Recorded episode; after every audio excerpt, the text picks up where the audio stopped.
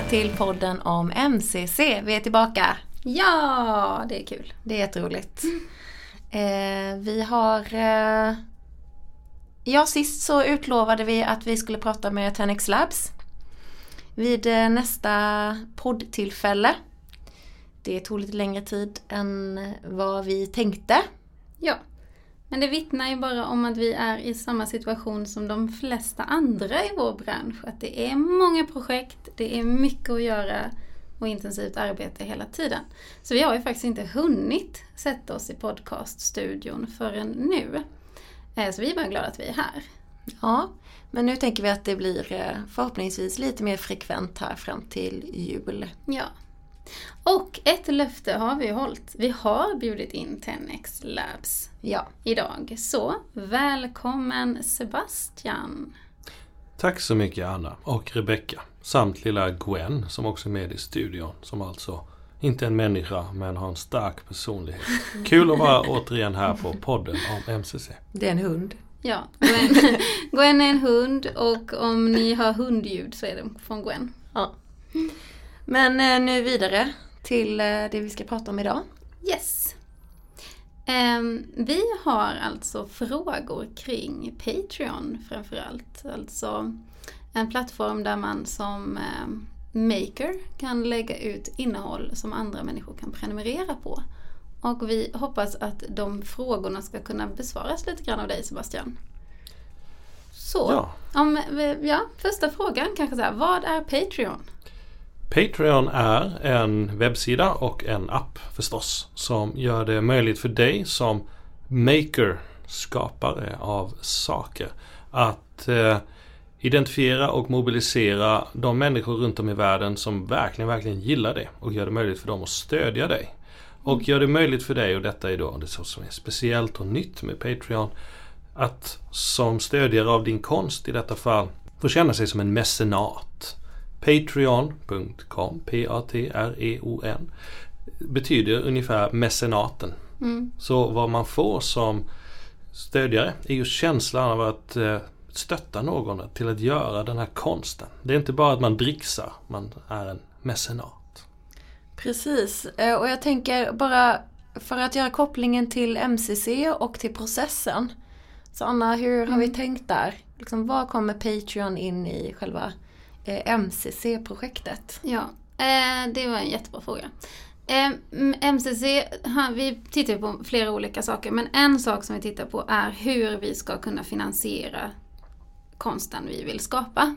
Och också hur vi ska kunna nå ut med det vi skapar. Ehm, så när vi har varit runt med vår karta och träffat danskonstnärer runt om i landet så är en, en eh, eh, vad heter det, generell bild eller en, en enhetlig bild att, att finansiera konsten är svårt. Alltså att det är inte tillräckligt mycket pengar i systemet och vi behöver hitta nya sätt att få in mer pengar i systemet. Eh, och då har vi intresserat oss för att se hur vi kan få in mer privata medel för att göra danskonsten mer bärkraftig och mer livskraftig. Eh, För att nu är den ju väl, till väldigt stor del finansierad av offentliga medel. Så, därav den tanken. Hur kan vi hitta nya finansieringsmodeller? Patreon sa, sa vi då, det skulle vara intressant att titta på. Yes, och jag tänker att ehm, jag ska prata lite om hur Patreon fungerar eh, och även en annan plattform som heter Substack, skillnader och likheter. Och försöka vara så konkret som möjligt i ja, våra reflektioner, Tenix Labs reflektioner kring hur detta kan vara relevant för utövande danskonstnärer. Komma med konkreta tips egentligen. Men jag vill också börja lite med att förklara teorin som det hela bygger på. Eh, teorin om tusen sanna fans, 1000 true fans. Som eh, Patreon egentligen är byggt på. Eh, och om, och om ni, ni nickar jakande Ja, nickar. så...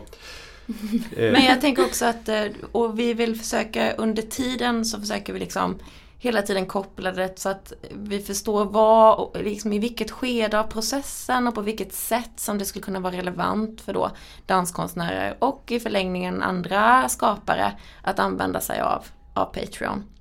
Så, men det liksom förtydligas, tänker jag, under samtalets gång. Exakt eh, hur, eller man kanske ska säga exakt vet vi inte utan det är det vi är här för att diskutera. Liksom, hur kan vi använda det? Vad finns det för möjligheter? Men eh, kör du på Sebastian. Yes. Danskonstnärer är ju inte de första som undrar hur kan jag få bättre betalt för det jag skapar? Särskilt när man kanske upptäcker, mm. i synnerhet om man på något vis lyckas skapa ett digitalt uttryck för sitt skapande. Vilket för danskonstnärer kanske inte är det mest uppenbara men bear with me. Att det finns rätt många människor totalt sett, globalt sett, som gillar det jag gör. De är mina fans. Om jag bara kunde ge dem något och, så de kan eh, ta betalt för det. Så skulle vi kunna ha ett, ett ömsesidigt bra utbyte här. Mm. Men ofta kanske du bor på en plats där för få andra finns. Och det, det kan finnas hinder i vägen. Så jag minns inte exakt nu men det var i, under den första internetvågen och länkar till detta kommer säkerligen finnas i beskrivningen till den här podden. Men vetenskapsfilosofen Kevin Kelly som har skrivit många böcker om detta. Han ser ut som en präst från eh, Amish eh, eh, communityt. Men det är han inte. Eh, eh, lite internets Gandalf kan vi tänka på honom som. Han har också grundade tidningen Wired som någon kanske har sneglat på någon gång. Han skrev en artikel som hette 1000 True Fans. Som långt innan det fanns Patreon, Facebook och YouTube och något annat förklarade att nu för tiden med internet så behöver du inte längre ha tiotusentals eller hundratusentals fans. Han använde musiker som exempel i sin artikel. Uh, för du, du kan skippa mellanhänderna. Du behöver inte längre ett skivbolag få ut med din musik. Du kan sälja det direkt mm. till dina fans, uh, är teorin. Mm. Hur många fans behöver du då för att kunna, inte vara rik nödvändigtvis, men leva på det?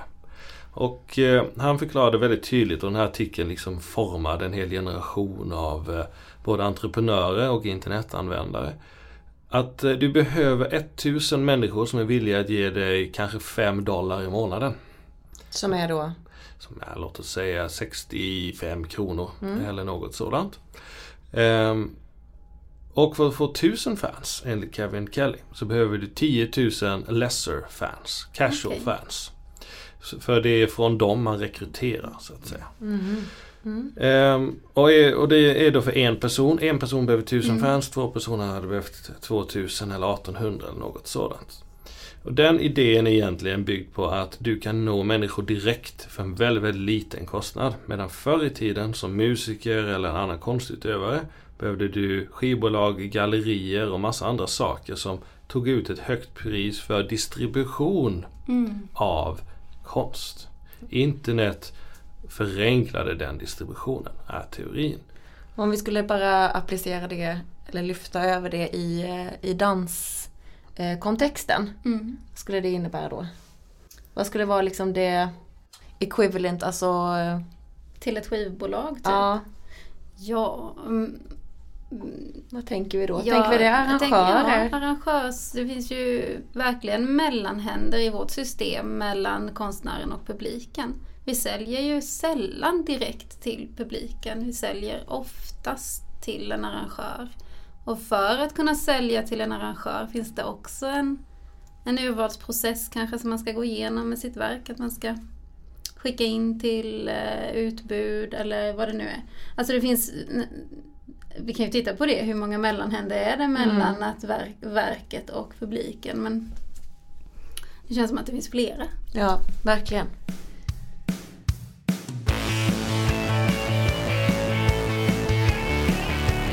Okej, så nu har vi fått teorierna bakom tusen true fans eller tusen sanna fans. Men hur kan det användas i praktiken? Yes. Det finns många olika exempel. Och jag mm. tänkte gå igenom hur det används generellt i mm. de flesta fall, vilket inte är dans. Och mm. eh, gå in på vad vi har observerat skulle kunna vara kanske närmre då eh, danskonsten. Men eh, Patreon, som vi ska prata om först, och sedan Substack är plattformar som gör det enkelt för dig att distribuera någon form av digitalt material. Mm. Text, video, bild. Och eh, ta betalt av det för människor. Det är en slags marknadsplats för, eh, för content. Mm. Och eh, oftast används det av Youtubers. Eh, Youtubare som på Youtube inte tjänar några pengar. För på Youtube kan du bara tjäna pengar via att egentligen eh, sälja annonser. Rätt sagt Youtube säljer annonser och du ser till att människor tittar på dem. Det krävs hundratusentals tittare Okej. för att tjäna några som helst pengar på Youtube. Därför använder Youtubare och podcastare Patreon för att eh, ta betalt av sina mer eller mindre sanna fans eh, via prenumerationsmodell istället. Youtube är inte till för att makers ska tjäna pengar, det är till för att sälja annonser åt Youtube som ägs av Google. Och det är därför som Patreon har blivit så stort i synnerhet. För det gör det möjligt för människor, och jag personligen stöttar många sådana Youtubers, att eh, Via Patreon. via Patreon. Och då i regel, ska tilläggas, får du något lite extra. Ja, för det var det jag hade satt det här med en fråga. Vad, vad är det som gör att du vill gå från att... Men om du får se det gratis då på, på Youtube, vad är det som får dig att vilja betala för det Mm. på Patreon? Det är oftast en av två skäl, eller båda. Ja. Det ena skälet är kanske att du gillar denne skaparen så mycket att du vill att stötta denne. Det är upp till var och en hur villig du är att vara en mecenat så att säga. Det andra skälet är att du får ett mervärde som inte annars är tillgängligt för de vanliga fansen på Youtube. Ofta är det tillgång till ett forum. ehm, Ofta något som heter Discord, vilket är en chatttjänst. Så att du kan prata med andra intresserade fans och runt den här youtuberen. Så det blir liksom små communities. Okej. Det, där, det där tycker jag är väldigt intressant. För att då finns det en, en organisering av publiken också. Exactly. Inte bara en... d- ehm, Då är det inte bara kommunikation mellan eh, konstnären och dess publik utan också inom publiken. Precis. Det är, istället för att vara en till många, en youtuber till många faceless eh, människor som ofta kanske är troll och skriver hemska saker. Om ni tittar på en YouTube-video, det är Ja. inte roligt om kommentarsfälten. På Patreon är det mycket bättre. Och eh, det blir det här communityt, eh, kommunikationen går åt båda håll. Och ofta är det så att som patron eller mecenat så blir du uppmuntrad att faktiskt bidra till vad ska youtubaren eller podcastaren skapa härnäst. Du betalar för privilegiet att få bidra till konversationen och till skapandet. Mm. Får, um, kanske är en jättekonstig fråga. Får, får, får man grejer? Det, det, det kan man få. Jag, jag har nyckelknippa eh, som är handsmidd YouTube-ikon. För jag eh, personligen gillar då smide, blacksmithing. Ja. Och eh, eh, jag valde att lägga orimligt mycket pengar på att stötta en svensk smed. För då kunde man, och detta var då begränsat, det fanns bara 20 sådana platser. Eh, om man gav honom lite extra pengar så fick man en nyckelknippa föreställa en YouTube-ikon handsmidd i stål. Det hör inte till vanligheterna, ska Nej. tilläggas. Men naturligtvis är det sånt, muggar, t-shirts, all the rest. Eh, du får mervärdet, vilket egentligen är statussymbol. Men är det, förväntar man sig det? Förväntar du dig som den som stöttar att du ska få en t-shirt eller en mugg liksom? Nej, jag förväntar mig att få se video tidigare. Ja. Eh, för det är också en grej att eh, en YouTuber kanske visar sitt material exklusivt innan. Jag förväntar mig också kanske få någon behind the scenes-aktig grej eller få liksom eh, lite pri- privilegier på något vis. Men nej, det måste inte vara fysiskt för det kostar pengar och jag vill ju att YouTuberen i det här fallet skapar mer content, inte lägger pengar på att jag ska få nyckelknippor. Although that's really nice. Men nej, förväntan är inte t-shirt och muggar utan bättre eller mer content. Ja precis, för där, jag liksom började osökt att tänka på så här. Jaha, hierarki, eh, pengar, vem har möjlighet att stötta och liksom att det blir en eh, det blir en distinktion där mellan vem som får och hur mycket och sådär.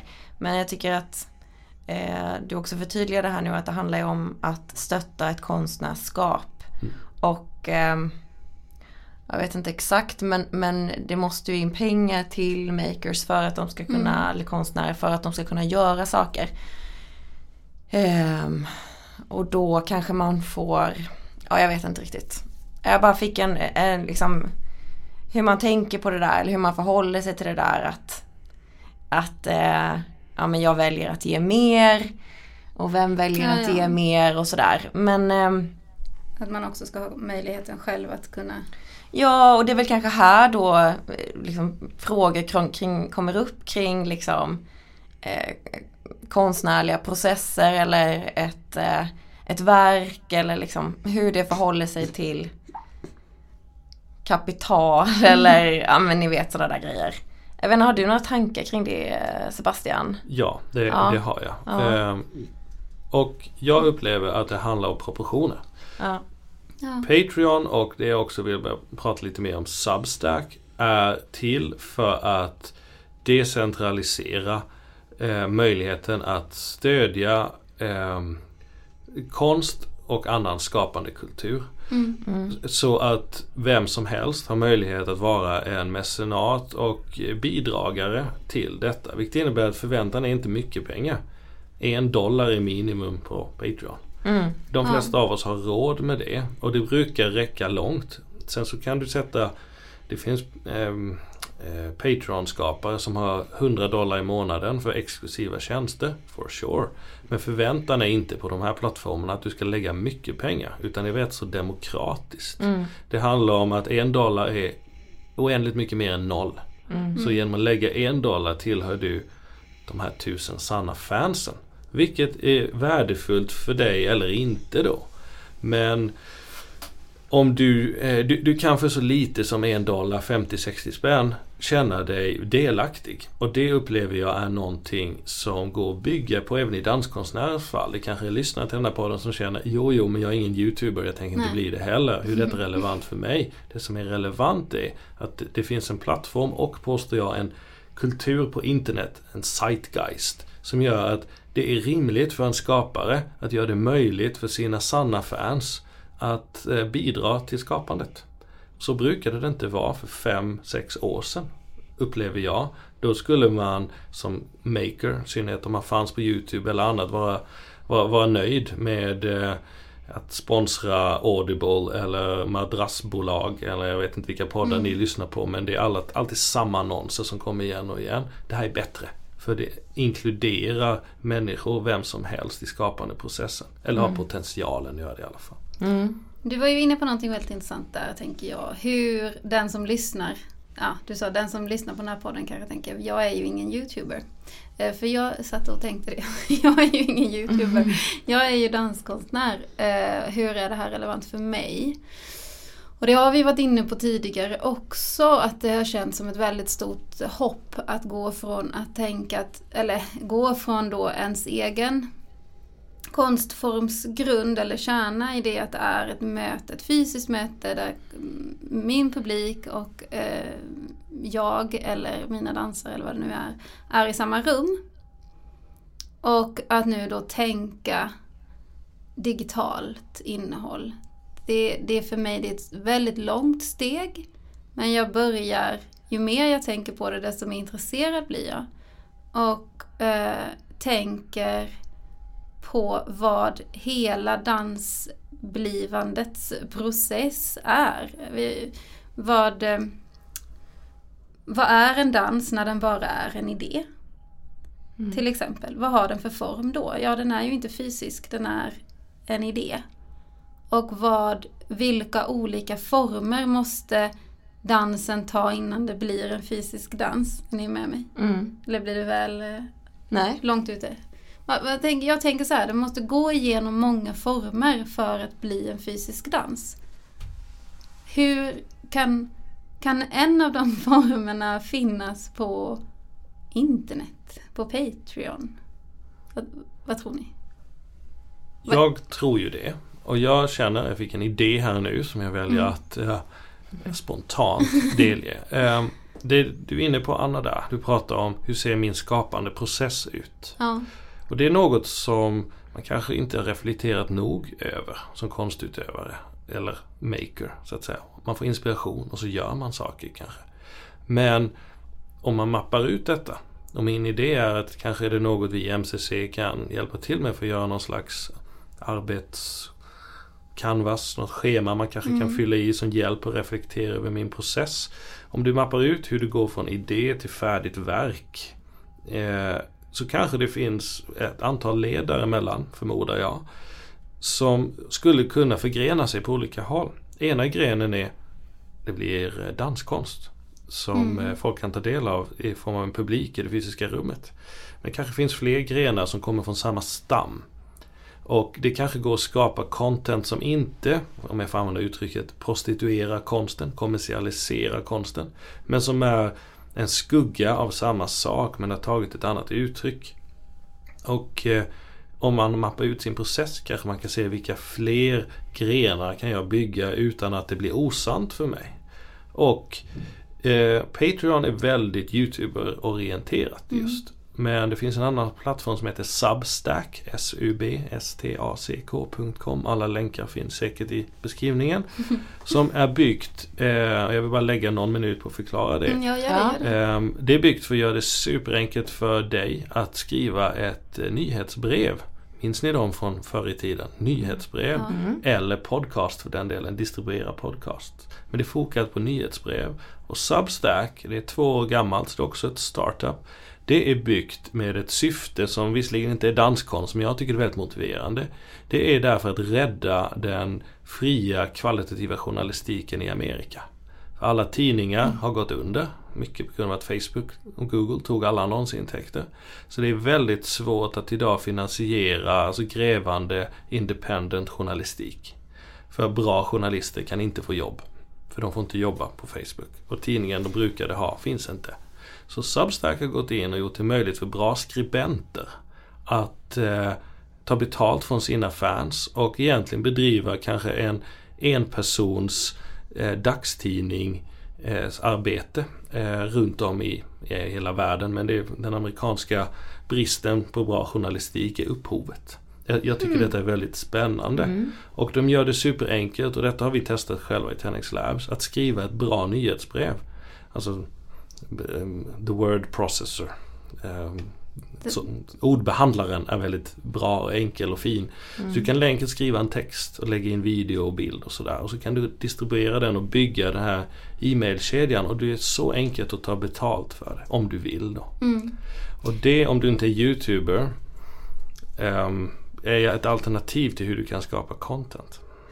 Och där skulle då olika former kunna få plats i, i ett sånt nyhetsbrev? Ja, för eh, Alltså det både- bygger på kommunikation. Ja, okej. Så det blir ett forum av det. Resultatet av att ha ett community på Substack är att det blir som i en gamla tiders forum. Där man kommenterar på de här artiklarna och kan prata med varandra. Det blir inte Facebook heller, vilket är en bra sak i sammanhanget. Utan du kan ha ett väl fungerande community kring eh, framförallt text. Mm. Jag tänker på eh, eh, bristen på kritik. Alltså Mm. den, konstkritik. Att det skulle kanske vara någonting, Mm. Yes. eller vad jag kom osökt att tänka på det.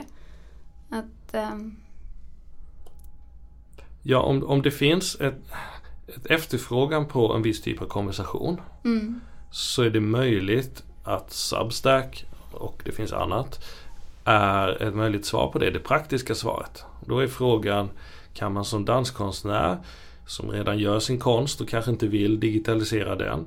Men jag upplever ni represent, representerar ju också utövarna och har valt att i fallet med MCC stiga in och titta på just distributionsproblematik Mm. och dylikt. Va? Det är ju någonting som är näraliggande ett konstnärskap. Mm. Men heller inte kan kallas konst. Va? ja. Men det skapar ett oerhört värde att döma av reaktionerna hittills och så vidare. Och det tror jag kan vara sant för fler. Att hitta just sådan, kanske vara en samlingsplats för konstkritik och dialog. Mm.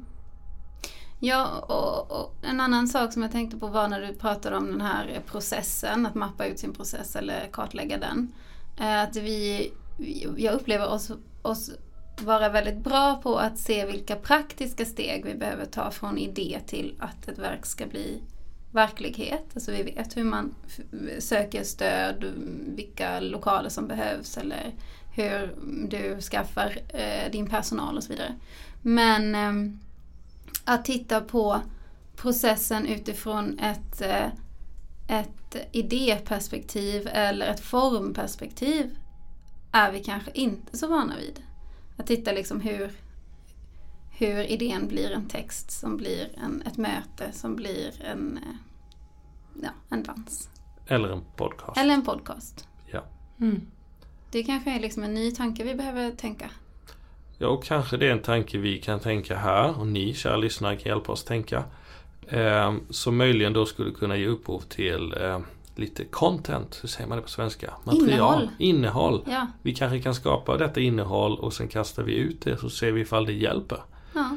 Eh, och det är just sådant som man nu kan göra enklare än tidigare och välja att ta betalt för om det finns en sådan efterfrågan.